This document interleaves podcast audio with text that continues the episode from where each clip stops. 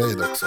Ja, för det står RX off mute på den och sen står det... Ja, Men kommer det in där så kommer det in där. Ja, och det, just det, precis. Och... Eh, Vad fan har jag gjort av mina glas? Men kan man spela? Kan, jag håller håller dem i i handen. den där skulle du haft med. Du har det med? Ja, man visar hur trött man är. Soundcheck klart, alla redo. Hoppas ni där hemma är redo. Idag är det onsdagen den 15 april. Hjärtligt välkomna till ännu ett avsnitt av Samtidigt. Välkommen säger jag också till Dick Eriksson från Samtiden Tackar. och Linus Bylund från Sverigedemokraterna. Tack så mycket. Jag heter Erik Dalin och är programledare. Dagens ämnen. Corona kan bli EUs död. Myndigheter försvårar för bolag som vill bidra. Politisk enighet kring nedrustning av Sveriges krisberedskap. H&M's Carl-Johan Persson får inbrott i sin bil och anlitar privatspanare. Glenn Hussein skämtar om Allah. Men innan vi tar oss an dagens ämnen så är det ju som vanligt laget runt. Dick, vad har hänt dig i veckan? Ja, Jag tänkte först ta lite grann om eh, vad jag har gjort i trädgården i påskhelgen. Men, men det som fångar mig är, är den här Moa Berglöf, eh, Fredrik Reinfeldts talskrivare under hans tid som statsminister. Att hon hånar Boris Johnson. Jag, kan, jag har inte kunnat släppa det. Liksom. Ja, det är så jävla... Alltså, han han har då legat på intensivvård. Eh, Man kunde räkna med att han, ja, det var inte helt osannolikt att han skulle dö. Nej, ett särskilt inte eftersom han ju har ett ganska tufft liv. Sådär. Ja, precis. Va? Haft fall. Och, och, men sen klarade han det efter tre dagar, låg på, på vanlig vårdavdelning och i eh, måndags blir det väl då, eh, eh, fick komma hem till, till premiärministerbostaden. Och då gjorde han ju en video där han tackar vårdpersonal och det måste han ju göra som premiärminister. att Folk vill ju se hur, hur han verkar efter den här eh, persen så att säga. Och då skriver Fredrik Reinfeldts eh, talskrivare att han har velat eh, hamna på intensiv för att kunna göra eh, fina filmer. Alltså det är så eh, alltså, ondska, jag tycker det är nästan värre än ondska. Liksom, Att, att eh, vilja håna någon som har varit nära döden. Men är det inte kopplat till de här, äh, den här idén hos många sådana där? Hon är ju vänstermänniska i någon sorts mening, trots att hon är, har varit Reinfeldts talskrivare. Mm. Eh, är, det inte, är det inte inneboende att man ska demonisera? Alltså hon tror säkert att, att det kan vara så, att han har gjort det här på, på liksom någon sorts, med någon sorts överlagd plan. Ja, ja, ja jag vet och det, alltså, vi brukar ju man pratar mycket om eh, troll och hat på nätet och många kändisar ute och gråter. De flesta troll tycker jag är eh, harmlösa eftersom de är ju de skäms ju eftersom de är anonyma. Så vet de att det de gör är fel. Och de är okända och de, det, det står några ord eh, på, på skärmen så att säga. Det är ju ingenting att bry sig om. Nej, så länge det inte är hot och ha- hot, Ja, precis. precis? Och, och, men här är det ju en känd person som lägger ut det här och, och som hånar eh, och som dessutom suttit i den absoluta statsledningen i Sverige under Mm. flera år. Alltså den mentaliteten finns i stat, svenska statens högsta led, politiska ledning. Fanns. Kan, äh, fanns kan man Ja, säga. just det, Ja, precis. mm. Eh, Men det, det, var liksom, verkar inte ha varit något märkligt eh, under den tid som hon, hon var där. För mig ger det, en, ger det lite grann en ny dimension om varför Sverige har gått så illa de senaste 20-30 åren. Det, det är, för jag, jag tycker att hennes mentalitet är exakt densamma som de här förnedringsrånarna som pissar på sina offer. De, vill, he, he, de har ett självhävdelsebehov genom att slå ner på andra. Därför att de är så små. De är så moraliskt små själva att det enda sättet de kan hävda sig är att slå på andra. Och, och, och, och sådana människor ska absolut inte ha någon makt. Det här visar ännu tydligare att vi i Sverige måste bli bättre på att pröva ledarskap när det gäller eh, politiker. I USA är det självklart, eftersom där är det personval, då blir, då blir det personens moral och, och förmåga som vägs. Medan i Sverige har vi med partilistor och så, har det liksom kommit i bakvattnet. Det här måste fram. Sådana här onda människor får inte sitta i svensk statsledning.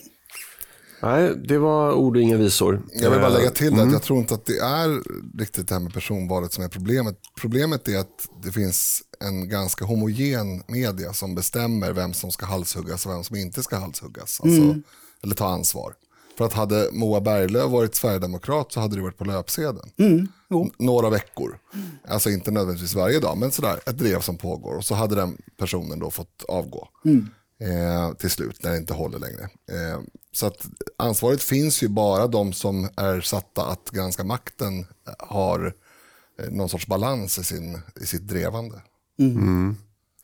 Ja, eh, det, nej, men det, det är väl tråkigt att eh, de här eh, kommer ut. Och det, men det, de har ju också ett incitament att skriva väldigt provocerande, för då vet de att de får uppmärksamhet. Ja.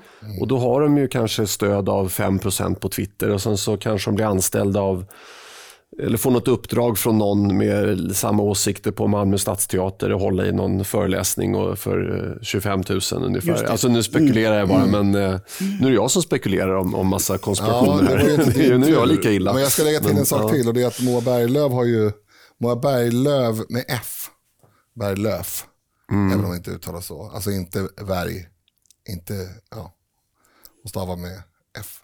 Mm. Ehm, ja, Ja. hon har skrivit många saker. Det Ja, var det jag skulle säga. ja, precis. Men det kom kan- till mig efter några sekunder. Eh, Hon har skrivit mycket saker som man kan, man kan uppröra sig över. Nu har jag inget färskt i huvudet, men det är bara att googla Moa, Moa Berglöfs citat så får man säkert upp en hel del. För hon har sagt väldigt, väldigt märkliga saker. Och så ytterligare märkliga då om man säger att hon har varit i någon sorts borgerlig kontext. Ja, och liksom i statsrådsberedningen, alltså den högsta nära statsministern. Liksom. Det, det, det, för mig är det ofattbart att man kan ha sådana låga människor där. Ja, vi hade ju en islamist i regeringen förut. Så att, Ja, eh. Allt, allt är möjligt i det nya spännande Sverige. Just det. Ja, Linus, vad har hänt dig i veckan? Ja, jag tänkte faktiskt säga att jag, var, att jag blev lättad av att Boris Johnson eh, kom ur det här med livet i behåll, peppar Ja. peppar. Man vet ju inte med den här sjukdomen om det sk- skulle kunna bli något, eh, något återfall, höll jag på att säga, det vet jag inte. Men, men eh, vi, vi får väl se det som faran över i alla fall, det var ju kul. Men, men jag kan också, det är roligt för nu tar jag två ämnen som Dick tänkte ta. Eh, och det andra är trädgården. För jag har haft tid att fixa lite i trädgården. Jag hade ju ett, ett potatisland på mitt landställe förra året. Men det blev så jäkla mycket potatis och vi äter ju inte potatis i, i min familj. Eh, barnen gör det men inte jag och frun. Men ni dricker väl starksprit så ni kanske hade Ja, kunnat eh, koka pannan är trasig. Så det blir ingen, ingen vi, vi har inte någon möjlighet att göra någon egen, eh, egen potatisjuice. Men, men hur som helst så kom vi på att men det är mycket roligare att göra om det där landet till, till annat. Eh, så nu har vi, jag har byggt en stor spaljé av, eh, av faktiskt slanor från min egen skog. Som inte är, alltså, istället för att köpa massa virke så tänkte jag jag bygger nog liksom, ja, men tänk en Alfons Åberg-helikopter fast byggd av eh, kvistar och grenar som spaljé. Ehm, Ehm, så det kan bli kul här. Vi får se om vi får anledning att återkomma. Nu, just nu är det ett väldigt kargt och dött land, men det ska bli både det ena och det andra i. i. Erik, har du gjort något kul? Ja, jag kan börja med lite andra vårtecken. För det är väl ett vårtecken att man eh, eh, ja, odlar och påtar i trädgården. Ja, det kan vara ett hösttecken också. Det, det kan vara ett hösttecken, men eh, att eh, påta i trädgården det har jag gjort sedan i januari i år. Det har varit sån himla härlig vinter. Är det en cannabisodling i källaren? Ja, precis. Nej, men det, det har ju varit barmark hela vintern i princip, så att jag har räfsat löv sedan januari, februari, så det är inte lika akut nu. Får bara Mm. flika in det att det är bra att du har räfsat löven. Jag har sett jättemycket folk på internet som krattar löven. Ja, det är jättejobbigt. Det är det måste ju svårare. fastna mycket löv och jag förstår inte vad syftet är. Det är för att förstöra gräsmattan. Ja, precis. Det, Det är otroligt märkligt. Men det är många som krattar löv tydligen. Någon innegrej. ja, nej, det, det får vi återkomma till i Ja. höstspecialen. Räfsa med eh, Linus. Eh, I alla fall, nej, men det är, så att jag ägnade mig åt att spela tennis utomhus istället. Ah, på den nyräfsade tennisplan. Ja, precis. Nej, men det, är- det är ganska tidigt att ha premiär så här i mitten av april. Så att, eh, men sen eh, två dagar efter så snöar det. Just. Så det är lite aprilväder. Men eh, jag ska eh, också ta tillfället i akt att eh, rätta en eh, faktauppgift från förra avsnittet. Jag har inte kommit igång med min rättelsepodd än. eh, så jag får tyvärr flika in lite här och där istället. Askonsdagen är dagen efter fettisdagen. Ja, ja. Förra, veckan, eh, förra veckans onsdag heter dymmelonsdagen. Det Jajamän. var åtminstone en uppmärksam lyssnare som eh, har mejlat oss om det. Plus att Linus kom på det här innan. Ja, direkt efter. Ja, eh, precis. Så att vi, vi gjorde en, en liten rättelse i eh, Jag, sa ju, jag höll ju med, felaktigt höll jag med dig om att det var askonsdag. Ja, Före skärtorsdagen. Ja. Ja, eh, jag trodde att du hade rätt helt enkelt. Din, din killgissning blev liksom fakta för ja, för det, det var en gissning. Jag, jag, Ja, jag har tror för att mig du- att jag sa att jag inte är Ja, helt säker på det jag här. tror det också. Eh, Hur som helst, men- eh, jag skrev ju tydligt på Facebook till förra eh, avsnittets, in, eller förra onsdagens inlägg att eh, Erik påstår felaktigt att det är och sådär. Och att du och jag fick eh, ha skämskudde och sådär. Så att vi visste ju om det här, men alla följer inte oss på Facebook. Det finns ju lyssnare som, som lyssnar på podden bara helt enkelt. Så är det ju. Ja. Just det. Och askonsdagen är första dagen i fastan. Fetisdagen är ju då man ska äta upp sig inför fastan. Och den inträffar 40 dagar innan påsk. Så askonsdagen 39. Ja, precis. Och eh, förra veckan kallas, nu ska vi se här, precis, eh, den, den kallas stilla veckan. Och där onsdagen i stilla veckan heter dymmelonsdagen. Nu har man fått väldigt mycket information som man kanske inte alls hade bett om. Nej, och jag, jag, tänk, jag, tänkte, jag tänkte faktiskt skylla på att ja, jag är ju inte kristen, eh, jag är inte troende kristen i alla fall, så att jag, det spelar ingen roll. Men det här tillhör faktiskt allmänbildningen och därmed basta. Corona kan bli EUs död. Eh, ja, Dick, du skrev ju en artikel i Samtiden med denna rubrik, men innan jag ger dig ordet så skulle jag vilja dela upp det här problemet i två delar. Eh, så ska du få kommentera varje del för sig och eh, Linus kan också få slänga in en, ett annat ord. Tackar. Eh, Ja. eh, jo, dels har ju corona, coronakrisen blottat de mycket djupt rotade strukturerna inom unionen som rätt och slätt stavas nationalstater. När land efter land stängt sina gränser och dessutom vägrat att leverera smittskyddsmateriel till andra länder inom unionen så måste väl federalisterna ha fått en kollektiv hjärtattack? Frågetecken. Eh, Frågan är bara när federalisterna väntar sig att vi ska släppa våra nationella identiteter och gå upp i en europeisk sådan. Vad tror du Dick? Ja, jo, nej, men det, det, det är ju så. Eh, både Carl Bildt, Dagens Nyheter och Aftonbladet känner eh, att eh, de ligger illa till och, och kämpar hårt för att försvara globaliseringen även eh, nu då. Eh, och de gör som vanligt från vänsterliberalt håll, då, DN och Aftonbladet, att de de lyfter fram det ingen eh, har någonting emot, det vill säga frihandel. Varor smittar ju inte. Varor skapar inte kulturella och andra motsättningar. Frihandel utav varor är, eh, liksom, är det ingen i Sverige som är, är emot. Men, och då sitter de in sig på det och gör likhetstecken mellan frihandel och globalisering. Men det är det ju inte, det är, ju, är, en Ja, aspekt. det är ju en hittepåkonflikt som Ja, inte precis. finns. Ja, det, är lite, det är lite faktiskt samma som när mångkulturförespråkarna pratar om mat. Ja. Som om att någon skulle bry sig om kebab. Liksom. Ja, precis. Det att det var, det. utan det, det är ju de här andra aspekterna när människor börjar röra på sig. Den fria rörligheten som det heter inom EU och, och som många vill ha eh, på, på, på större nivå. Det är då det börjar bli problematiskt. Och det är då som återigen den här krisen visar att det inte funkar. Carl Bildt vill ju ge då större befogenheter, maktbefogenheter till sådana organisationer som WHO eh, och, och, och FN-organ. Och jag undrar hur, hur, han har ju varit statsminister, liksom, hur, varifrån ska den makten komma? Vem är de här institutionerna ansvariga inför? Alltså det, det, jag anser att det är, är eh, ja, diktatur är väl mycket att ta i, men det, det är liksom icke eh, organisationer som då i så fall skulle inte vara ansvariga inför folket.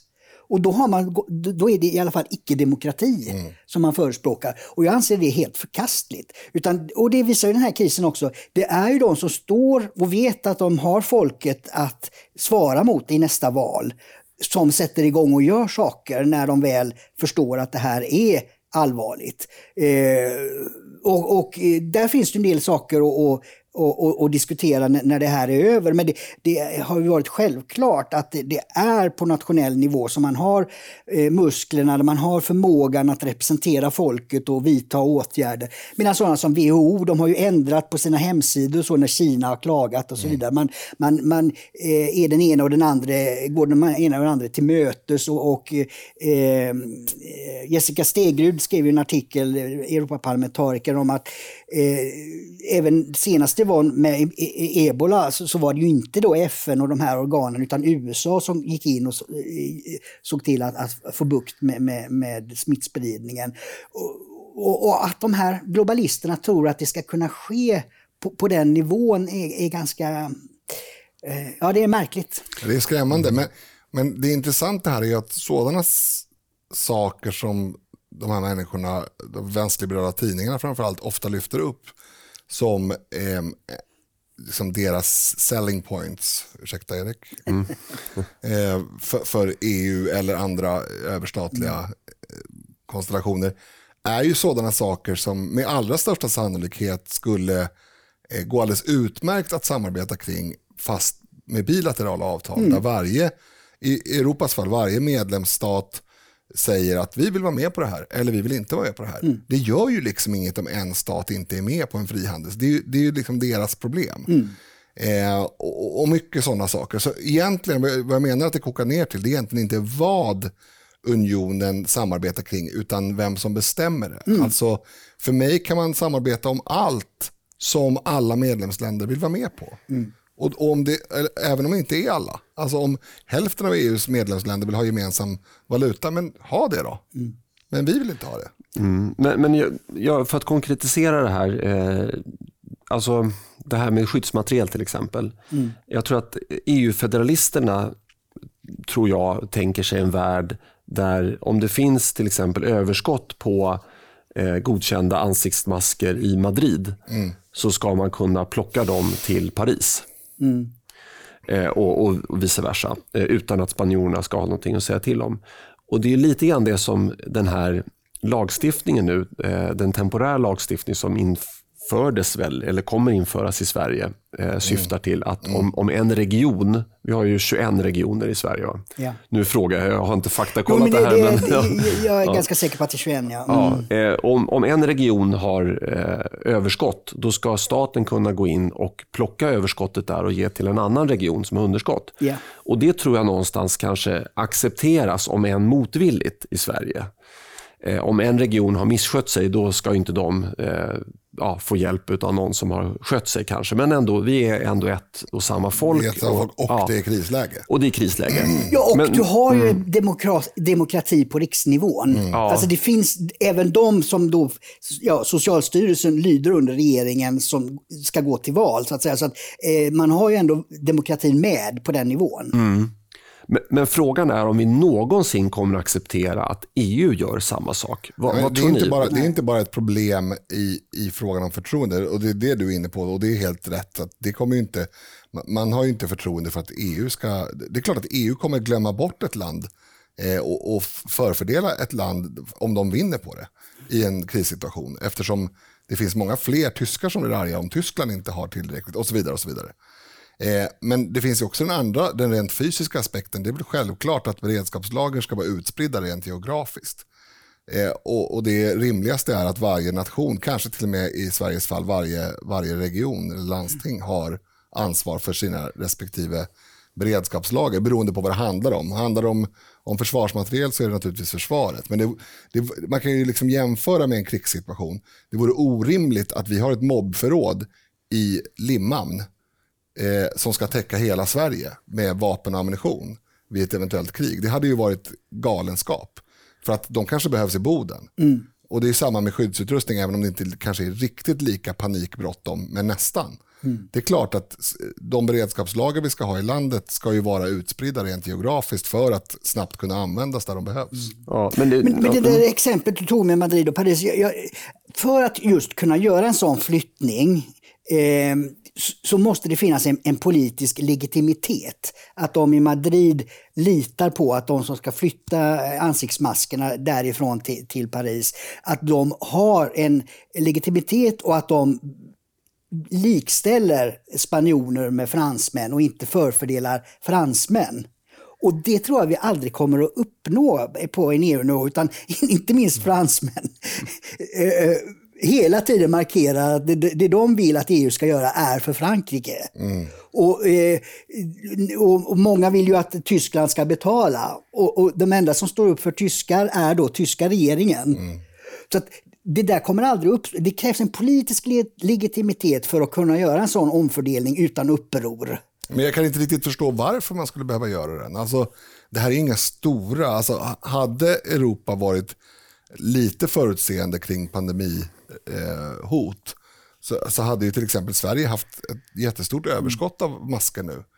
Jo, precis, men det, det, var, det hände ju i Italien när det började ja, dra ja. iväg väldigt i Italien. Då, då bad de ju om hjälp med det här mm. materialet från andra länder, men de fick ingenting. Därför att varje land behöll ju sitt material för att klara av sin ja, de, våg. Ja, och, och, det, och, det, här är ju, alltså pandemier är ju sådana, annars skulle det inte vara pandemier, att de sträcker över kontinenter och till och med mm. över världen.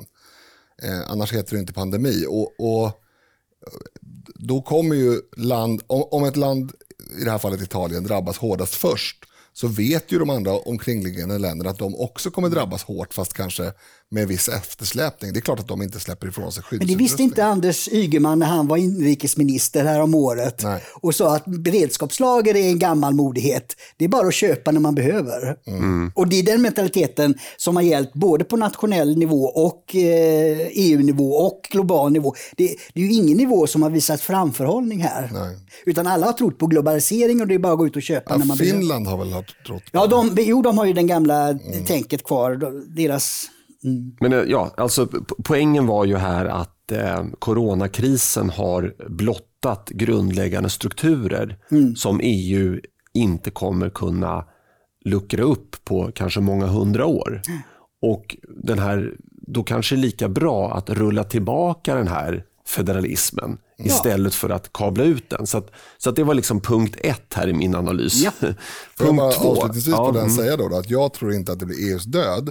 Men kanske som du säger, att man Dels kommer vi ha, ha den medvetenhet som har väckts nu i, i staterna, alltså i nationalstaterna i EU, kommer i första hand kanaliseras i att man bygger upp egna beredskapslager. Och kanske inte någonsin kanaliseras i att man ska ha gemensamma resurser för att dela ut. För det finns ju ingen det finns inga argument för, förutom att EU vill ha mer makt. Nej, men, och Det här blottar ju också, alltså nu var det en, ett, en viruskris. Mm. Eh, vad, vad, kommer nästa gång? Det, det, vet vi inte. Det kanske blir missväxtår mm. eh, tio år i rad.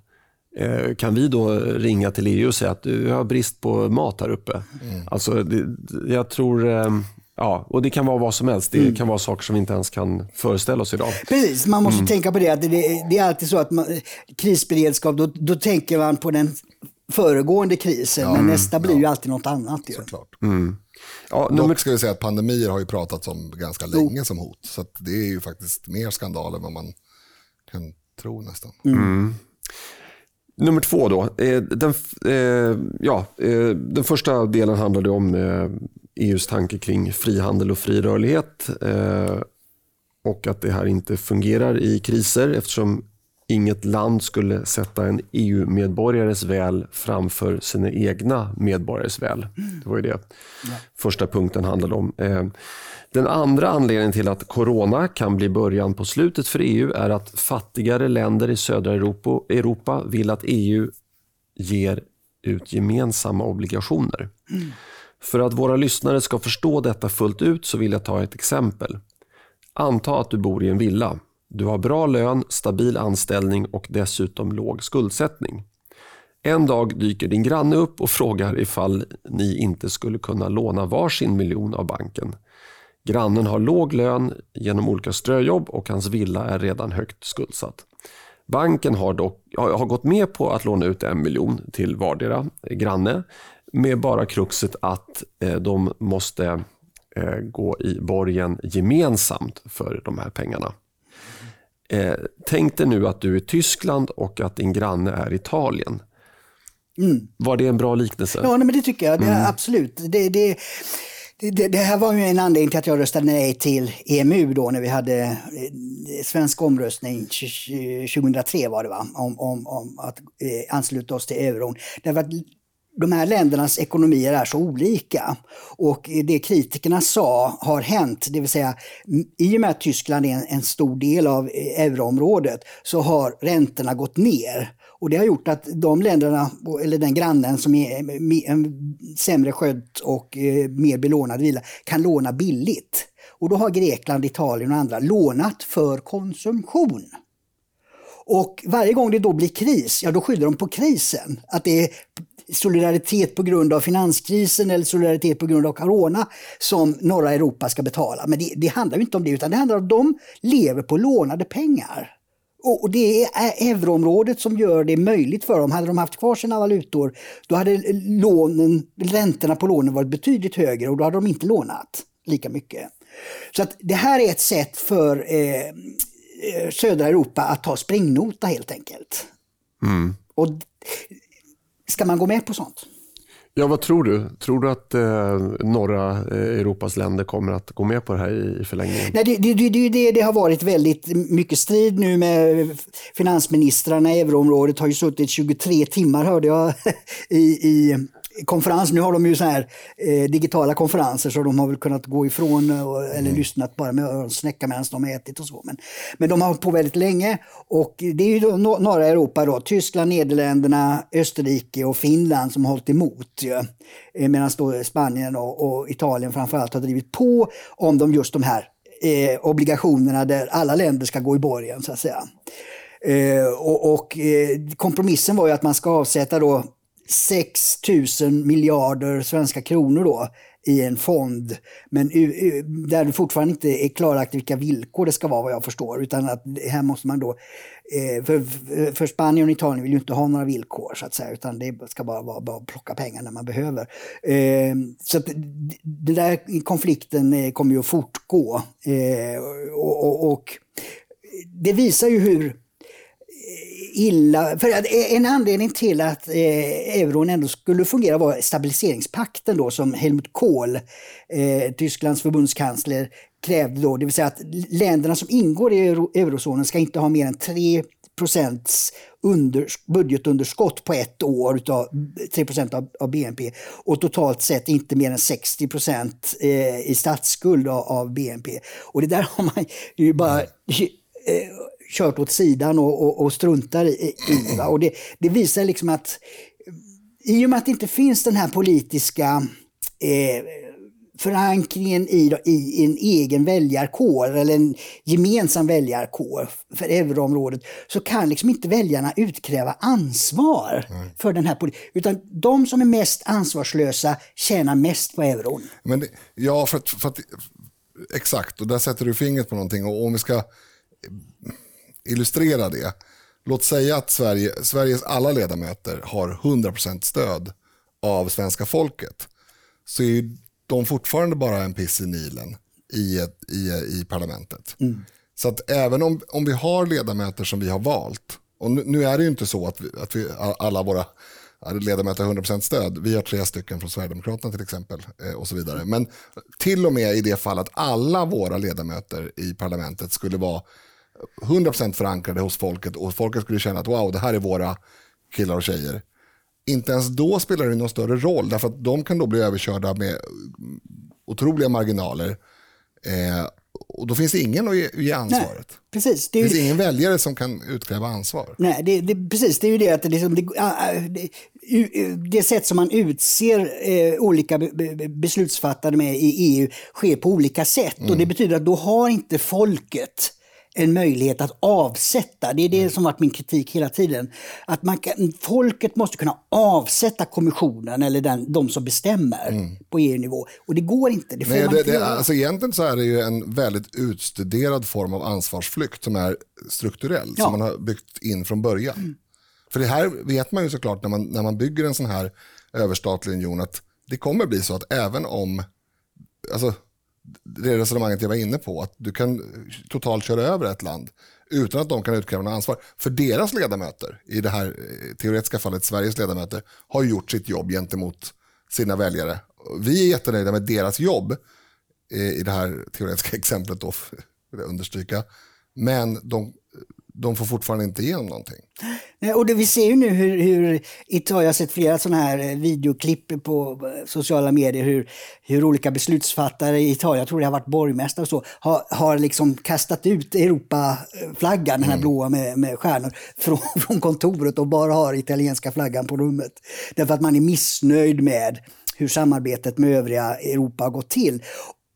Och, och, och det är ju liksom en, en, en konflikt eh, som hade varit enklare att förstå om det varit mellanstatligt. Mm. Och eh, man har fått säga det, ja men då får Italien ta lån på 10% därför att det är det som är risken för att Italien ska eh, kunna låna pengar. Och då har italienarna själva förstått det att ja men då kanske vi inte kan låna så mycket. Mm. Men nu när man är med i euron, då kan man säga ja, vi kan ju låna på tysk ränta 1,5-2 varför, varför tillåter inte ni att vi får låna det? Mm. Så det, det, det, uppstår liksom konflikter som inte hade behövt uppstå om man hade haft eh, mer av nationalstat. Sen skulle jag också vilja påstå att det finns starkare strukturer i de gemenskaper vi redan har mellan nationerna än det finns rent faktiskt på i, i, strukturellt i EU. Ett exempel, och det tror jag skulle kunna finnas väldigt många fler, jag ska komma till det, men ett exempel är ju de polska brandmännen mm. som som Polen eh, skickade till Sverige för att bekämpa skogsbränderna. Det hade ju ingenting med EU att göra, utan det var ett initiativ för att man ville hjälpa till. Och man hade resurserna. Precis på samma sätt är jag övertygad om att det skulle fungera i Europa eh, om EU inte fanns. Jag tror till och med att Frankrike hade varit mer villiga att hjälpa, EU, eh, hjälpa Italien eh, pro bono, eller eh, av sig själva, eh, om, om inte EU fanns. Alltså titta, här är ett grannland som är hårt drabbat. Mm. Kan vi göra någonting? För så funkar Alltså det är inte onda människor vi pratar om. Utan, visst, man ser om sitt eget hus först, men det gör man även under EU-paraplyet. Och då är det frågan om det inte hade varit bättre att inte ha EU så att eh, ja, jag tror att hjälp, hjälpbenägenheten hade varit större kanske. Ja, för det hade blivit, det var det mm, försökte säga för, eh, i mitt förra inlägg, som inte blir riktigt, det blir ju liksom tydligare eh, pedagogiskt. Mm om det är varje, om som, som, du säger att Frankrike hjälper till här, vi, än om man säger att, att det är EU som omfördelar resurser, då, då, då känner man inte lika stort Nej, ansvar. Precis. Men är man själv och, och, och, vet att man själv kan tala om det, att vi har faktiskt gjort en uppoffring här för, mm. för våra grannar, då är man mer villig att göra det. Mm. Ja, och till och med Kina har ju skickat eh, skyddsmaterial utan att de är med i EU. Ja, just det. Eh, så det går ju alldeles utmärkt. De är dock ansvariga för hela grejen. ja, ja just de. Det är lite då, dåligt samvete i masker. men, men, men jag, jag, tänkte bara eh, avslutningsvis, då, alltså, ta Spanien som ett exempel. Där har ju de, de har ju en, en statsbudget nu och den vill de expandera så att de kan skicka ut stöd till företag och personer. Så då har ett lånebehov uppstått i spanska staten. Så de, kan, de är fria att gå ut på den egna marknaden och, och söka lån. Ja, jag tror att, men jag tror att det så, blir så dyrt att det är inte ens... Ja, de, de, de är där idag ja, helt enkelt. Utan de, ja. de, de, de vill inte betala mer än det eurozonen, obligationer eller lån via, via eurozonen skulle ge. Jag tror att allt annat är, har de lagt eh, åt sidan. Så att säga. Ja, det, det här blir väldigt intressant. Det skulle vara väldigt intressant också om norra Europa, Europa sa nej. Mm. Men det får vi återkomma till. Myndigheter försvårar för bolag som vill bidra. Tydligen så har organisationen Svensk Näringsliv sammanställt en lista med 50 medlemsföretag som står startklara att leverera bristvaror till samhället. Men när de kontaktade Myndigheten för samhällsskydd och beredskap fick de inte svar på fyra dagar. Eh, MSB hävdade efter påtryckningar från media att de skickat frågan vidare till Socialstyrelsen eftersom det är de som gör alla upphandlingar. De hävdade i sin tur att man tackat nej till många erbjudanden eftersom utrustningen inte håller kvaliteten. Citatet ovan här var från DN. Men Dick, du skrev om detta i samtiden också. Mm. Vad, är, eh, vad är din kommentar? Jo, men det, det, här är ju lite grann samma sak. Att, att, myndigheter och byråkrater sitter på en nivå i Sverige idag där de utgår från eh, ja, den utopism som finns inom, inom politiken, de gamla partierna idag. Att det ska vara perfekt. Det ska vara absolut perfekta grejer som levereras. Och eh, Då är de här grejerna som företagen gör att när de ställer om sin produktion så finns de inte de rätta eh, kvalitetsmärkningarna. Då. De är ju inte testade då på laboratorium och, och sånt eftersom det är nyss omställd verksamhet. Ja, då säger man nej och därmed gå miste om att få någon typ av material, skydd, visir och sådana saker. Och istället så står sjuksköterskor och gör visir av OH-papper mm. och sådana saker som är då ännu mycket sämre. Men då, då, då tar man hellre att man gör riktigt eh, amatörmässig material hellre än att ta eh, någonting som ligger mellan det perfekta och, och, och det här sämsta alternativet. Bara därför att målet är att uppnå utopin. Och, och, och därmed sätter allting annat eh, på vänteläge. Och det, det visar liksom att sunt förnuft finns inte längre i, i, i statsförvaltningen. Ja, och, och, en anledning är just, bered, som vi varit inne på, att beredskapen inte finns eh, som fanns för 20-30 år sedan. Så var det en naturlig del av alla politiska partier att inse att vi, vi måste skydda vår befolkning in, inför situationen. De senaste åren, nej men, i, i det globala utopin så behövs det inga lager. Det, det är liksom en... Jag vet inte hur man ska be, beskriva, det är ju ingen moralisk eh, brist, för man gör ju inte det här av ondo så att säga. Nej, Utan det, det är någon sorts... Va? Av dummo. Mm. ja, det... Eh, nej, jag bara tillägga där att det som jag tycker, bara det här att man inte får svar. Nu, nu påstår ju då Socialstyrelsen att de har tackat nej det verkar inte på de här företagarna som att de har tackat nej för de har inte ens fått något svar och då har man inte tackat nej. Nej men jag får bara tillägga där då att eh, förfrågan hade gått till Myndigheten för ja, samhällsskydd och beredskap och de hade i sin tur frågat Socialstyrelsen. Ja. Eh, så att eh, jag tror inte att Svenskt Näringsliv väntade på svar från Socialstyrelsen utan det är MSB som man trodde skulle vara den här mm. spindeln i nätet som mm. skulle hålla ihop all eh, krisberedskap som inte har fortfarande rimligt att man får ett svar om man kommer med ett erbjudande. Oavsett vad. Ja, det, det är exakt ja. min ja, poäng. Men man ska inte lasta Socialstyrelsen för det. Utan nej, det är, det är ju MSB. Det är möjligt. Ja. Men, men, så här. Det som jag, nu, nu vet inte jag det här som jag säger. Det här är en killgissning. Men det verkar som att man inte har en, kris, en krisplan.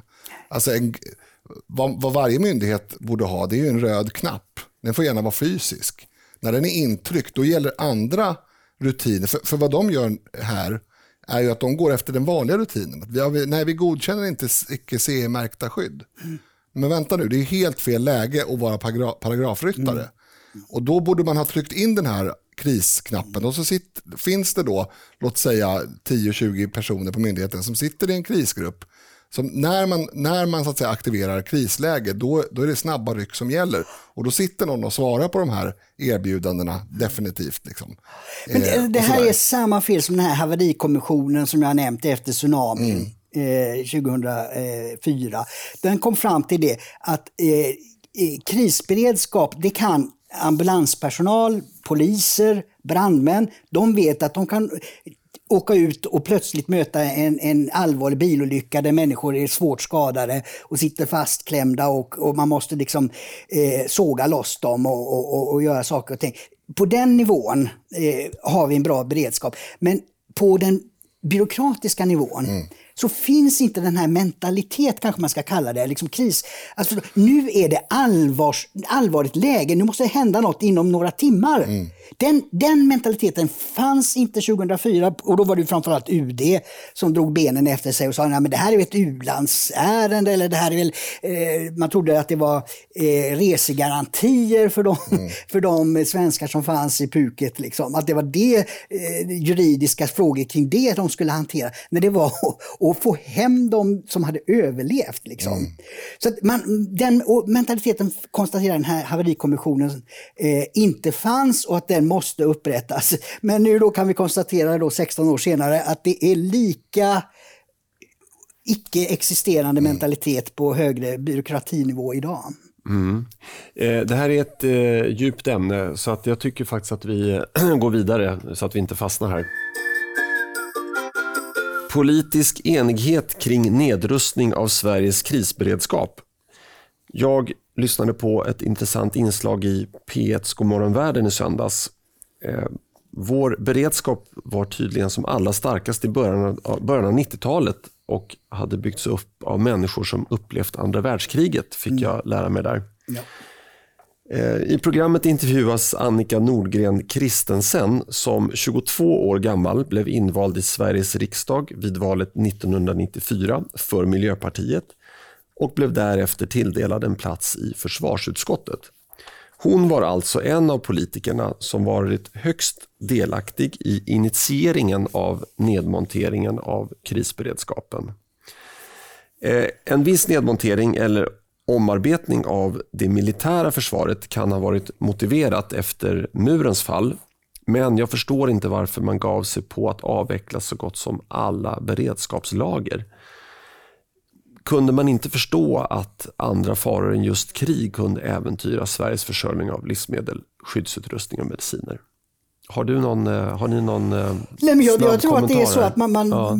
efter murens fall, eh, eh, jag kommer ihåg det, det, det, var ju eufori liksom att nu, mm. nu ska, är det slut på eh, alla krig och det var ju till och med det som skrev nu är det slut på historien. Mm. Nu, har, nu har den liberala demokratin vunnit och det, det är bara att implementera i Kina och Ryssland och, och så vidare så, så, så kommer vi alla att leva i fred i all evighet. Så, så det var en oerhörd eufori och framtidstro och, att, och, och det här med gemenskap och, och allting sånt där. Liksom. Och det var därifrån egentligen den här utopismen, eh, det var där den fick fäste så att säga i beslutsfattarnas eh, inre så att säga. Och, och, och, det blev ju liksom inte riktigt så utan eh, Ryssland valde Putin 2000, det var ju bara eh, mm. då, vad blir det, 8-9 år efter murens fall så att säga. Så att, det skedde en reversering så att säga, tillbaka till det här mera, eh, vad ska man kalla det, att det finns olika poler i världen och, och, och, att man upplever varandra som motståndare. så att säga.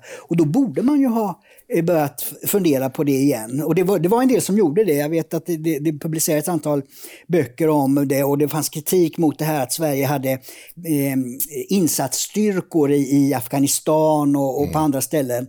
Eh, eh, Eh, från Sveriges sida, men att man avvecklar allting annat. Va? Det fanns, bland gamla militärer var, ju det väldigt, var man väldigt kritisk till, till den utvecklingen. Ja, men, men det här förklarar ju faktiskt inte varför man har eh, till exempel då ehm, eh, skrotat eh, eller bränt upp skyddsmasker Nej, precis, och, och, livsmedelslager. Jag menar, det, det, kan ju vara en kärnkraftsolycka. Och det, var ju hamnar, ja. det är ju hamnar som har sålts och, och, och, monterats ner där, där fartyg skulle kunna lägga till då för att det, det behövs en hel infrastruktur mm. om man ska ha eh, eh och, och få, få till stånd leveranser och sånt. Men allt det där togs bort eftersom vi skulle leva i den lyckliga utopin. Mm. Jag ska inte ta de här människorna, eh, de här eh, fredskadade, totalt fredsskadade människorna i försvar.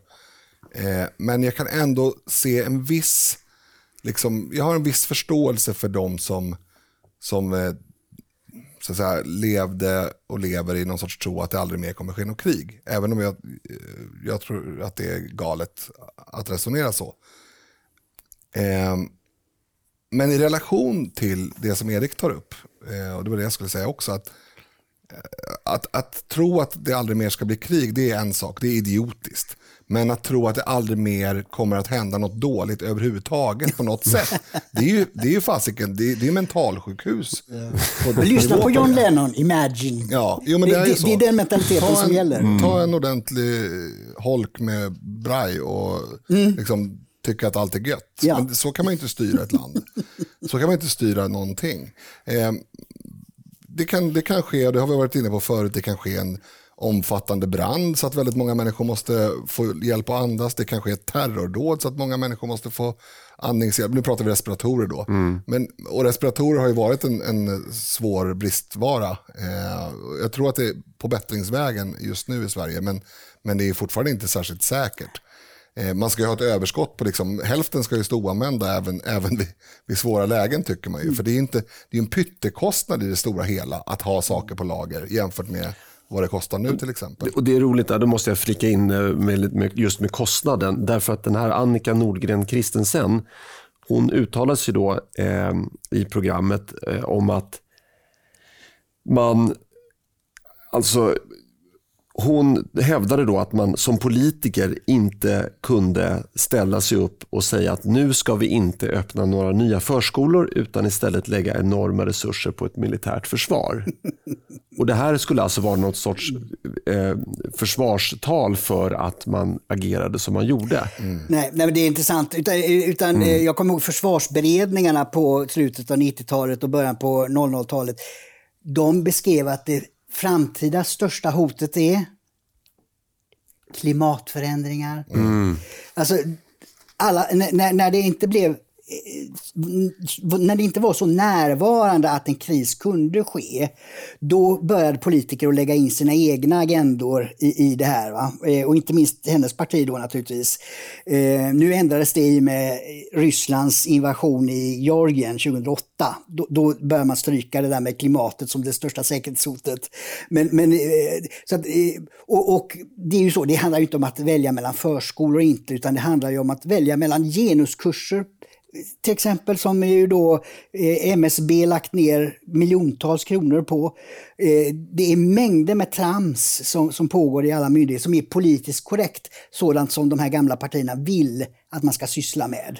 Och det skulle man ju verkligen kunna lista och säga stryka. Allt det där. Inte för att det ska vara förbjudet. Alla på MSB får gärna gå genuskurser, men det får de göra på fritiden, mm. på sin egen bekostnad. Det ska inte skattebetalarna finansiera. Nej, men det stora, den stora elefanten i rummet, inte det här rummet, men, men i andra rum, är ju migrationen. Ja, jo. Där har man ju lagt, plöjt ner miljarder och miljarder och miljarder per år. Mm. Mycket mer än vad ett, ett upprustat försvar skulle kosta. Och framförallt mycket mer än vad en upprustad krisberedskap skulle kosta. Mm. Det, är, det är ju som sagt det är inte småpengar i sammanhanget. Om man gör det kontinuerligt och målmedvetet och systematiskt och strategiskt. Det är inga större pengar. Det är ju en symbolhandling från deras sida mm. snarare, än, ja. snarare än att försöka tjäna pengar. Och det är det jag har sagt ett antal gånger, att det, det är det att politiken har slutat ägna sig åt det som är fundamentalt, ja. grundläggande i ett samhälle. Det, det politiker, bara, bara politiker kan tillgodose. Vatten och avlopp har jag nämnt mm. som exempel. Sånt som man inte vill gegga med själv, så att säga. Mm. Det är det politiker ska syssla med i första hand. Ja, det är Men, bara när allt av alla kärnuppgifter är 100% perfekta som man ska mm. slänga pengar på migration eller genuskurser eller något annat ja, trams. Om man ens ska göra det då. Men... Om man ens ska göra det då. Precis. Precis. Mm. Ja, men I det här inslaget så, så gick de igenom um, lite grann um, ja, den här tiden när det här började. Då. Uh, det var ju att kalla kriget var slut. Eh, vi hade gått med i EU, vi förlitade oss på att EU skulle rädda oss. Att det liksom, när vi fick tillgång, tillgång till den här inre marknaden så skulle vi inte ha några bristproblem överhuvudtaget. Eh, och eh, Man konstaterade också att det var fullständig politisk enighet kring det här. Mm. Och även media la locket på i den bemärkelsen att de inte eh, ställde några kritiska frågor. Mm. Eh, och, och, min, min analys då, i, om man ser i backspegeln de senaste 25 åren, så skulle man kunna sammanfatta det på följande vis att det varit någon form av tyst överenskommelse. Att de borgerliga de fick sina avreglerade marknader och avskaffandet av arvs-, gåvo och förmögenhetsskatten samt en radikalt lägre fastighetsskatt mot att vänstern fick montera ner försvaret och vår krisberedskap. Eh, ha fortsatt höga bidrag till folk som inte orkar jobba. Genusforskning samt massinvandring och internationell solidaritet. För allt det här har ju, det har ju rådit konsensus kring det här egentligen. Mm. Eh, det är ju, och, och, det är ju alla de här sakerna, att de är genomförda, det, de flesta i alla fall, det är ju, eh, ur, ur, det har ju så att säga Sverigedemokraterna ja, sprungit exakt. fram. Jag skulle, jag skulle mm. säga det, att ja. det, det fanns en stor enighet.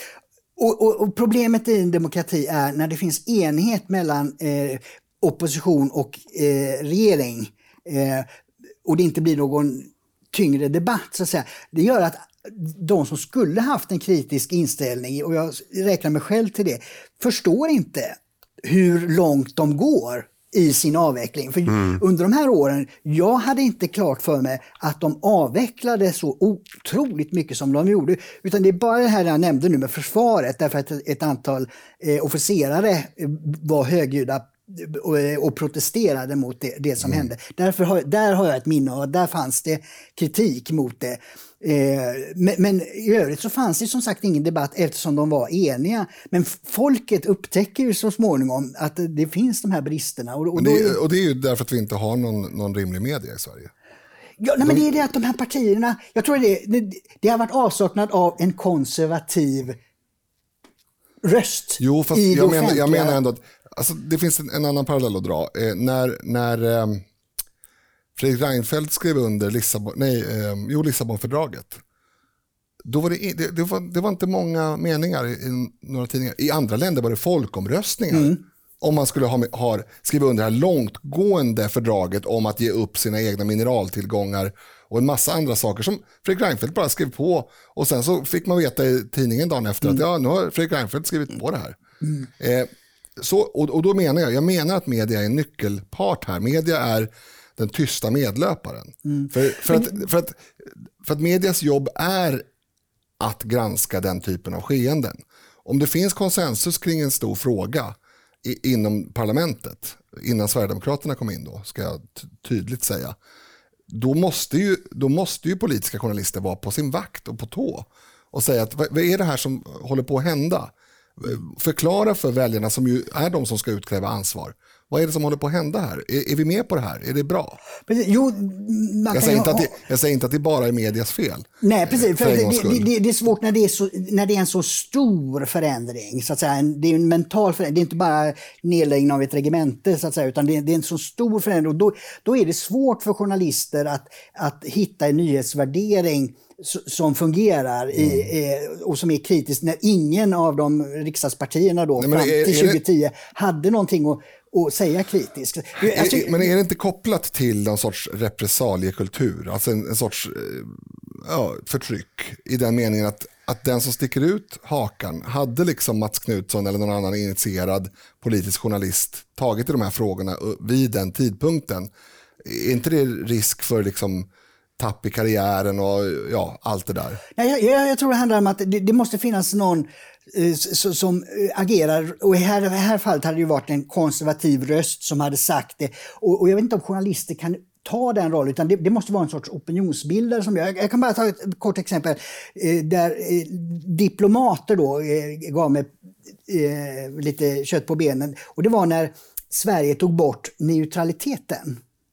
Mm. 2000 Eh, nu ska vi se här om jag kommer ihåg rätt. Det var val 2001, så det var, eh, eller 1991. 2002, ja 91. Ja, 90, ja. Mm. Jag tänker på Carl ja. Bildts regeringstid. Han tillträdde 91 till 94, så var det. Där Just det. Satt han. Mm. 93 tror jag det var, så tog man bort neutraliteten, eh, att Sverige är neutralt eh, i fred och alliansfritt i krig, mm. var Sveriges eh, doktrin, säkerhetsdoktrin fram till 20, 1993.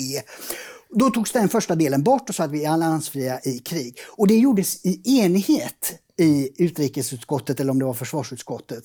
Eh, där Pierre Schori då var eh, företrädare för Socialdemokraterna som ju är en väldigt här, vänstermänniska så att säga. Men han var överens med Carl Bildt om att man tar bort det här.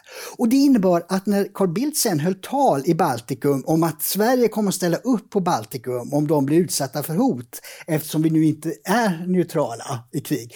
Då blir det ett jäkla liv. Då gick Ingvar Carlsson, eh, tidigare socialdemokratisk partiledare, Olof Johansson Johansson i Centern ut så Carl Bildt har överträtt sina befogenheter. Och så, och så blir det KU-förhör. Och så i KU-förhör så plockar ju bara Carl Bildt fram alla mm. utskottsdokument, mm. eh, både utav tjänstemän, och jurister och ledamöter som har ställt upp på den här ändringen. Mm. Och då var det så, inte ens Olof Johansson och Ingvar Carlsson hade det klart i minnet att det här var borttaget. Mm. För det var ingen som var emot det. Nej. Och det, det, det, är, det är en problem med demokrati. Att, att vissa, man, är, demok är alla partier i parlamentet överens om en sak, då händer det utan att det riktigt sätter sig. Ja, men jag håller med om det. Men det, jag menar ändå att den mediala aspekten är intressant. För att den blir bara ointressant i det mycket teoretiska eh, scenario där det inte skulle finnas någon som sa emot. Självklart fanns det folk som sa emot eh, för den här nedrustningen av, av beredskapslagren. Mm. Men kanske inte i, Sveriges riksdag. Nej. Men det är klart mm. att det fanns intellektuella och annat som, LRF som, säkert, eh, ja, som pockade mm. på uppmärksamhet ja. från journalistkåren. Att mm. hallå, vad händer här? Mm. Alltså, jag kan inte tänka mig något annat. Det mm. finns inte på kartan. Det, det, finns alltid någon som är emot och, och har formulerat goda argument. Så att, jag, jag, köper vad du säger, men jag, jag tror ändå att ett stort problem i det här landet är att vi är för få människor för att konsumera tillräckligt mycket nyhetsmedier för att det, nyhetsmedierna i sig ska vara diversifierade så att vi får lite olika vinklar från olika håll. Det är ett jätteproblem. Mm. Men jag, jag vill också flika in att om man skulle, alltså det, det, är inte så att det politiska landskap vi har idag inte alls fanns då. Alltså, vi alla tre levde ju i 90-talet och Linus och jag blev ju röstberättigade i slutet av 90-talet. Men ni var det då, ja. redan då? Ja. ja. Eh, 19, 1998 röstade jag på det nya partiet. Det ska jag be få 1998 röstade jag på Sverigedemokraterna. Ja. eh, och vi, så vi är helt oskyldiga till den här utvecklingen. Men alltså, det, utan, eh, och, och, det är så att hade man frågat mig och Linus eller någon annan för den delen som kanske röstar på Moderaterna. Hej, vill du ha eh, invandring på 20 år här på 2 miljoner människor? Mm. Eh, vill du eh, bränna upp beredskapslagren? Vill du rusta ner försvaret? Eh, vi kan genomföra det här imorgon. Nej, för guds skull, hade ju den personen sagt då. Men det är bara det att sakta men säkert har vi som har velat värna Sverige och dess befolkning vaknat upp och ja. sett de här förändringarna. Det är därför vi har det här politiska landskapet. Som, mm. som, och det är ju delvis på mm. grund av att Val i Sverige handlar om sakfrågor, enskilda plånboksfrågor istället för att handla om ideologi. Mm. Vilket vore det rimliga. Alltså vilken vision har respektive parti för hur Sverige ska fungera? Mm. Eh, jo, men då säger ju alla, att, ursäkta att jag avbröt här nu, men, men då, då, säger ju alla att ja, det är klart vi värnar Sverige. Och, eh, vi är alla Sverige, vi är alla Sverigevänner. Jo, jo, men det sa Nyamko Sabuni, ja, vi är alla Sverigevänner. Ja, men det finns ett mellanting. Ja. Det finns ju liksom, vill ni ha vill vi ha massinvandring och så vidare? Hur vill Fast det är en sakfråga. Det är väl... Ja, men jag sa att det finns ett mellanting ja. mellan gratis tandvård och Eh, ja. Det är här jag hoppas att, att eh, den här tankesmedjan nu, eh, ja. den konservativa, ja. Eh, ska hjälpa till att göra det. För jag tog upp i samband med den här utrikespolitiska debatten som är varje år i riksdagen, så, så, så sa ju utrikesministern då, vi ska stärka, vi ska höja, vi ska bredda, vi ska eh, liksom, det är bara så här. Och då skrev en ledare, liksom, men, kan vi inte lägga av med den här synen av Sverige som en humanitär stormakt? Mm. Och det, är ju, det tycker jag är ett utmärkt exempel på en ideologisk diskussion. Vad är Sveriges roll i världen? Mm. Men det är ingen i, i partierna som, det, de är inte vana att diskutera det. Mm. Jag ska avsluta den här punkten med att läsa upp lite faktauppgifter som, kom, som framkom i programmet. De sista livsmedelslagren tömdes 2002. Mm. 2007 skapade man Myndigheten för samhällsskydd och beredskap som ersättare för andra myndigheter som tidigare hade hanterat krisberedskap. Eftersom det inte ingick i MSBs uppdrag att lagerföra beredskapsmateriel så började man vid det här tillfället att göra sig av med resterna av det som bara 15 år tidigare hade utgjort Sveriges genom alla tider mest omfattande beredskapslager. Mm. Så att MSB eh, de upptäckte, jaha vad är det här för någonting? Ja men det har inte vi ansvar för. Ja, då avvecklar vi det. Mm. Och ansvaret lämnades istället över till landstingen. De som har ansvaret i fredstid har nämligen också ansvaret i kristid mm. eh, och krigstid. Eh, ja. Precis, och det, det sa ju mm. den här haverikommissionen efter tsunamin att det, det går inte bara säga så att man ska vara ansvarig både och, Nej. utan man måste ha en organisation som har den mentalitet som krävs i, för krig och kris. Ja. H&M's Carl-Johan Persson får inbrott i sin bil och anlitar privatspanare. Ja, eh, de här eh, personerna hade då eh, en ganska avancerad teknisk utrustning. Antingen en störsändare eller att de haft en, en mottagare som då har plockat upp en signal så att de kunde då från den här trådlösa nyckeln så att de hans bil, ja. Precis. ja precis. Eh, exakt. Så att de eh, kunde ta sig in i hans bil utan att bryta upp den. Eh, Carl-Johan Persson polisanmälde det här. Och då är det tydligen så, det här är enligt Expressen tror jag var jag läste det här i.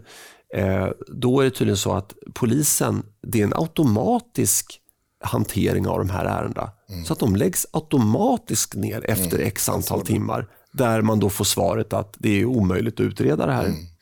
Men han eh, har eh, bra kontakter här med eh, säkerhetstjänster. Va? Och en del Han har det, ja. Så att han anlitade några privatspanare som använde det här, hitta min iPhone. Mm. Det var en iPad den har fått stulen va? Precis, eh, tack. Det var viktig information. Eh, och då, ja, lång historia kort, så får man tag på de här personerna och det är ju då enbart utländska medborgare. Eh, det var tre stycken och eh, åtminstone två av dem var tidigare dömda. Eh, men ja, det här är ju tragiskt och så, men jag tycker ändå att det här ger hopp inför framtiden. För det här visar ju att bara man ger sig den på det så kan man faktiskt Om gripa. det finns en politisk vilja Ja, så går det att lösa de flesta brott. Men det finns ingen politisk vilja i den nuvarande regeringen. Det är också så här, man ställer ofta ekonomiska resurser mot varandra i de här frågorna. Och jag vill påstå att, och det gäller faktiskt inte bara liksom grov brottslighet, det gäller även fusk och bedrägerier. Att, eh, jag hade den diskussionen i socialförsäkringsutskottet angående det så kallade svinnet. Alltså det som människor lurar till sig från socialförsäkringssystemen utan att ha täckning för det. Det handlar ofta om bostadstillägg och en del andra saker man lätt kan ljuga om men också som är lätt att kontrollera. Eh, och jag drev tesen i utskottet då att det får kosta mer än vad, vad, vad så att säga man kan dra in på det om det behövs. Därför att det är ju i, på lång sikt, och det gäller samma med brottsbekämpning, alltså på lång sikt är det naturligtvis billigare att lägga ner tio gånger så många resurser som en iPad kostar i, i, i det här fallet för att få bort de här människorna från gatan. Eller från Sverige i det här fallet, för de ska ju inte vara i det här landet. Eh, det är ju mycket effektivare på, på bara några års sikt att göra så än att räkna att ja, men det här var bara en iPad, det kostar mycket mer att ringa till våra spanare eller ja, koppla in våra, våra resurser. Ja, men det är klart att det gör det.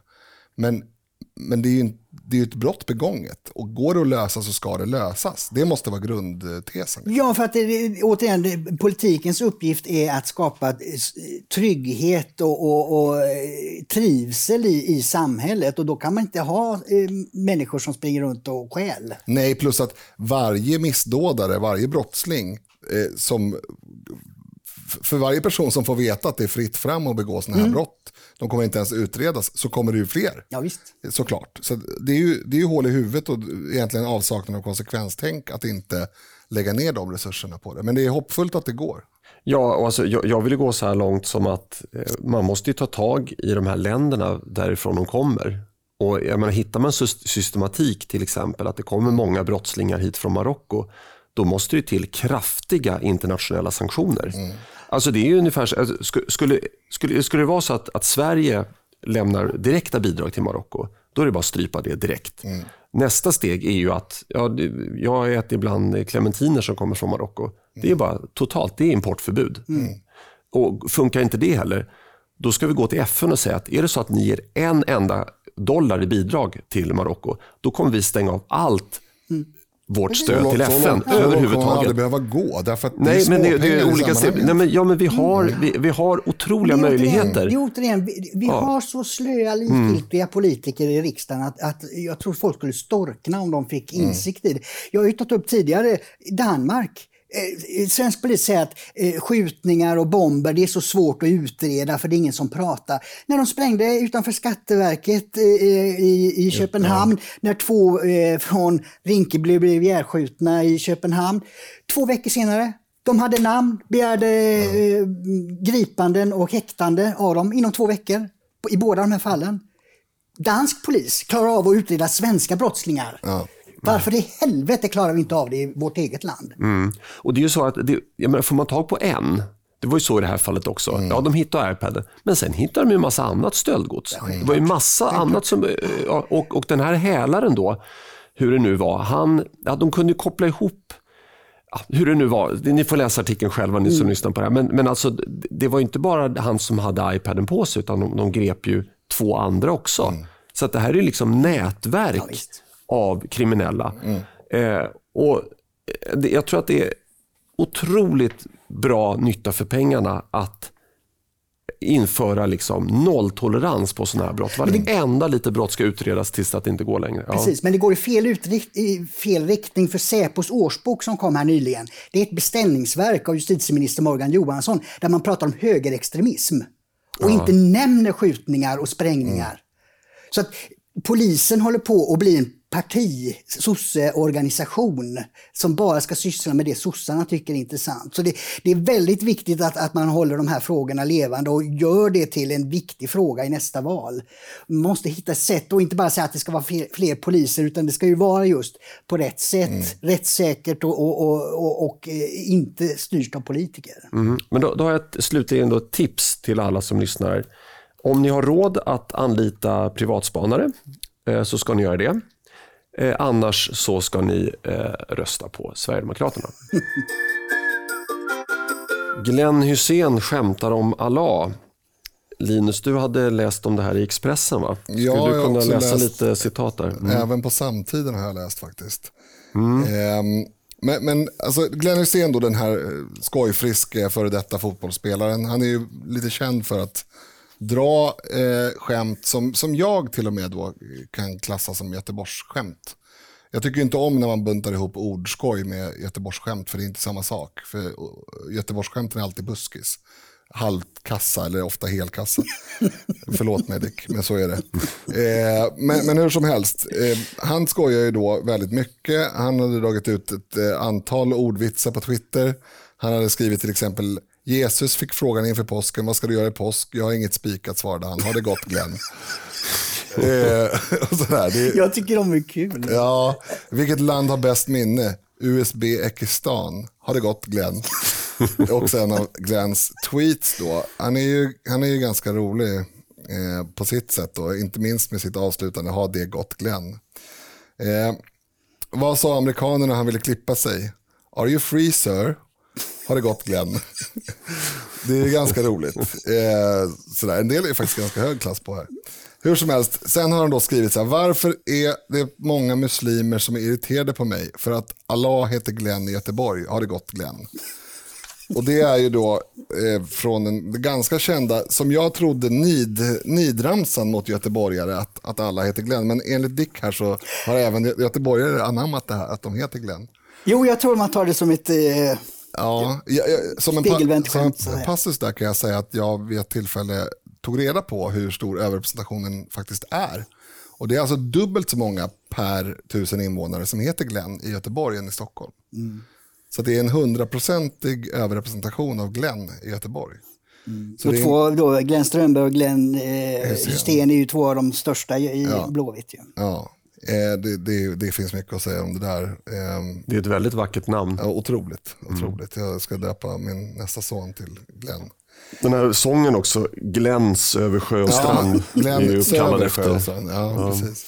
Men, men hur som helst, eh, då har då eh, en fotbollsspelare blivit väldigt arg för det här. En, eh, en person då som spelar i IFK Göteborg och heter Hossam Aiesh Eh, oklart hur man uttalar hans namn, men det spelar egentligen ingen roll.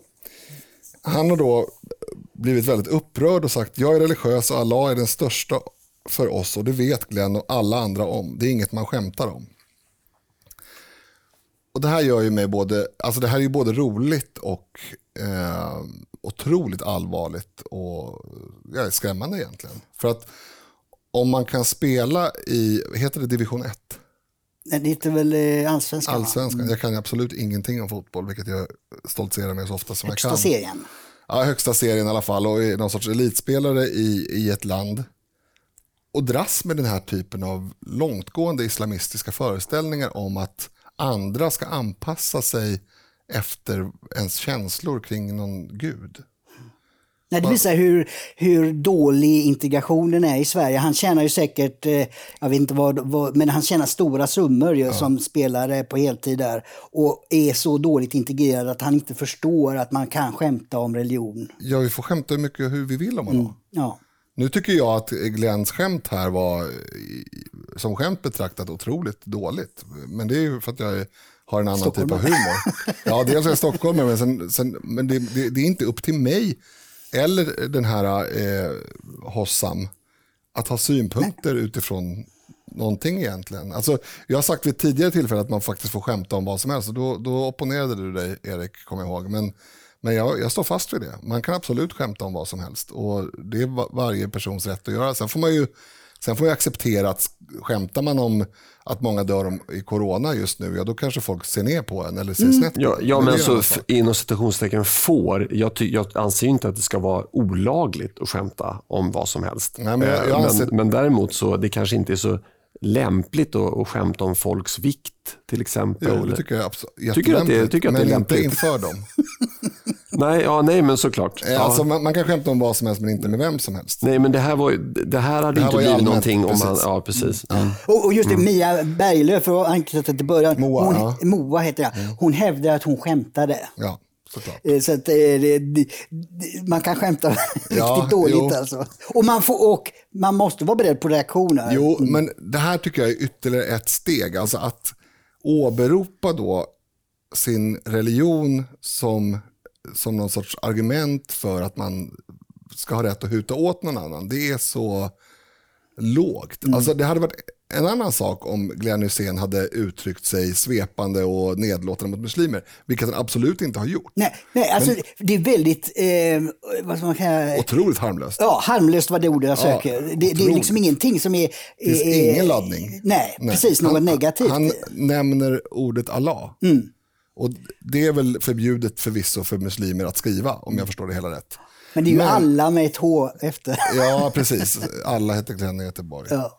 Mm. Eh, jag tycker det här är, det är sån tråkig läsning. Eh, att det finns människor som inte lever i ett parallellsamhälle helt avklippt från Sverige, men ändå tycker så här. Ändå tror att de har, har eller ändå har mage, ska jag säga. För det är klart att han får säga så här. Mm. Det, det, är inte...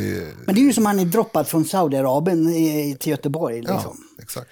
Men jag, jag, vill lyfta upp den här. Det här är ju din, ett, ett, på sätt och vis ett, eh, en rolig punkt. Eh, men, men om man ändå ska lyfta upp den här punkten eh, en, en nivå så jag frågar mig, vill vi välkomna människor från andra länder med den här typen av uppfattning? Alltså även om det kommer någon som kan erbjuda Sverige Eh, sina tjänster i form av baka pizzor eller spela fotboll eller vad det nu är. Alltså det, vi var ju tidigare inne på det att den här personen, fotbollsspelaren, han gör ju säkert väldigt mycket gott, betalar mycket skatt och så vidare och, och bidrar positivt. Men jag är ändå inne på det att jag vill inte ha in de här uppfattningarna permanent i Sverige. De får komma hit som turister och gå runt och kika och, mm. och så. Nej, men, men, ja. Kunde man, kunde man eh, mm. otvetydigt testa det här? Ja, men man, man kan ju villkora ett uppehållstillstånd. Man kan skriva att du får uppehållstillstånd här, men... Eh, och så, så mm. liksom skriver man på ett ja, papper jag, är, jag kring... är spontant för en extremt sträng lagstiftning rörande att man inte får förhäva sig i egenskap av gäst. Eh, vilket man är om man är islamist. Eh, man är fortfarande gäst då faktiskt. Mm. Eh, och, och, då tycker jag att, ja, men jag, jag, är inne på din linje där Erik, men jag menar att det finns svåra genomförande eh, hinder eftersom du, du kan ju ljuga hur mycket du vill. Jo, men sen kommer det ju fram. Om, om, man, då, om man då har skrivit på en försäkran om att eh, man eh, tycker att man kan skämta om vad som helst och att det är... Ja, Fast, det, fast det, även i mitt ja. Sverige, så, ja. även i mitt, om jag bestämde 100% mm. så får ju han bli arg för det här. Ja, men... men, jo, det får han, men, men det, det, visar att han är en oin, totalt ointegrerad eh, islamist som jag inte tycker har i Sverige att göra. Men det ger inte, tycker jag, nu ska jag vara väldigt intellektuellt hedlig här, jag tycker inte att det ger liksom någon sorts skäl för utvisning. Nej, in, alltså, det är svårt in, nej in, in, inte som det är idag, absolut inte. Men om man till exempel kommer till Sveriges gräns och säger att jag tycker att kvinnor ska bära slöja. Ja. Då skulle jag säga att men då är inte Sverige ett land för dig. Absolut. Och, och men... om man kommer till Sveriges gräns och säger att jag tycker inte att man ska kunna skämta om Allah, då, mm. bo, då borde man veta hut. Mm. Då skulle jag säga, om jag var gränspolis och hade de befogenheterna, att tyvärr, då är inte Sverige ett land för dig. Nej. Men nu när han väl är här och etablerar och säkert medborgarskap, nej men absolut, då, då får han uttrycka sin vilja. Men jag, jag vill inte ens ha hit de här uppfattningarna. Jag tycker Nej, det här- nej, precis, men- men det, det, alltså man kan lyfta det då på, på en nivå och, och det är ju det som vetenskapen har, har kartlagt i, är ju att eh, om diasporan blir för stor, alltså diasporan är ju de som har kommit då från eh, de här länderna eh, som har den här kulturen där man inte får skämta. Om den blir för stor i ett nytt land som Sverige, då blir det svårt att integrera dem. Det har varit känt hur länge som helst. Och de gamla partierna skiter i vetenskapen, precis som i beredskapen, och tar hit hur, hur många som helst. Och då får man de här problemen. Utan det, det, riktiga är ju, jag vill inte gå in på enskilda personer, men alltså, det viktiga är ju att, pressa ner andelen utlandsfödda som finns i Sverige och se till att man bara har så många så att de börjar lära sig och, och att även fotbollsspelare förstår att, att eh, man kan tycka det är ett dåligt skämt men då kanske man får framföra det till Glenn privat. Det är liksom ingenting som ska ut eh, i offentligheten. Nej, men, och, och jag tycker också att i, när, när sånt här händer så backas ju eh, Alltså om, om, man nu, om man nu tar de här två eh, personerna, ställer dem mot varandra. En har eh, sagt ett, ett plumpt skämt, eh, plumpt och plumpt, men han har skämtat om Allah. Och Ett och skämt som var dåligt av andra skäl. Ja, det var, precis. Eh, exakt. Eh, och, och den andra säger att man får inte skämta om Allah. Om, man, om, om jag skulle få önska så skulle jag ändå säga att det, det politiska etablissemanget och medieetablissemanget ändå skulle ställa sig på Glenns sida och säga att "Nej, men snälla du, man får visst skämta om Allah. Hur mycket man vill. Ja, och, och de där uppfattningarna hör, hör faktiskt inte hemma i, i Sverige. Men det blir ju tvärtom. Och, och, och det här, eh, jag tycker att någon, det vore intressant om någon liksom ställde sig upp, ja, men som Lars Vilks, men han är ju, han är ju dödshotad och får leva med personskydd. Han har ju liksom ställt sig upp och sagt, man, man får visst göra det här. Eh, och det hade varit intressant om någon hade ställt sig upp och sagt att "Nej, men, jag tycker inte att de här uppfattningarna om att man inte får skämta om Allah, jag tycker inte att de hör, hör hemma i Sverige. Jag håller med. Och, och, och, så, och så hade man, Du och jag, ja, vi gör ju det här, men jag, vi har ju 2000 lyssnare per program, Ja, så jo, att det är precis. väl ingen som kommer göra notis av det här. Nej, men det, är ju ett jättestort problem. Men jag menar att den här historien är, mest värd som en, som en eh, påminnelse om att det här går jäkligt dåligt det här med integrationen. Alltså, det, Det är, är det det säger. Men får får jag bara sluta, för, att, för jag, jag vill inte ha någon större konfrontation kring det här, utan jag vill ha en, liksom en, en intellektuell diskussion där, man, där man kan diskutera med varandra och fortfarande ta varandra i hand och tycka att vi tycker olika. Men, men vi har ändå liksom en, en diskussion kring det här. Det är som sagt viktigt att kunna diskutera saker högt och lågt och eh, komma med sin synpunkt och det har ni lyssnare gjort via mail till oss. Eh, som det ser ut nu så kommer vi att ta upp några lyssnarbrev på fredag. Eh, det kan komma att ändra sig till dess. Det är ju oroliga tider. Eh, och eh, nu vill Linus säga någonting. Men jag tänker man kanske, om man, om man hör det här avsnittet och känner att men jag har ju någonting jag vill fråga, då kan man ju, om man tycker att det inte är någon hemlighet, då kan man ju skriva det direkt på Facebook. Facebook-inlägget för det här avsnittet till exempel. Eh, Så kan vi, för vi spelar ju inte in båda avsnitten samtidigt den här veckan, vilket vi ibland gör och ibland inte gör. Så att vi har ju, vi har ju en stund på oss. Ja, men precis. Eh, men som sagt, vi, vi lovar ingenting. Men vi, det vi kan lova är att vi läser alla mejl som kommer in, även om vi inte svarar. Så att, eh, stort tack till er som har hört av sig. I övrigt så återstår det bara för mig att nämna mejladressen igen. Just det. Samtidigt att samtiden.nu samt uppmana till fortsatt delning. Ja, viktigt. Ja, Och Mm. Facebook-sidan heter... ja den heter Studio SD samtidigt. Mycket, mycket värdefullt om ni delar eh, inläggen. Och eh, vill ni vara lite mer anonyma så kan ni eh, i verkliga livet över en eh, kaffepaus eller liknande tipsa era kollegor och Man familjemedlemmar och släktingar. Ja, och man kan också, om man är riktigt sådär, äh, vill vara riktigt hemlig, då kan man gå in, fram till okända människor på stan och bara viska.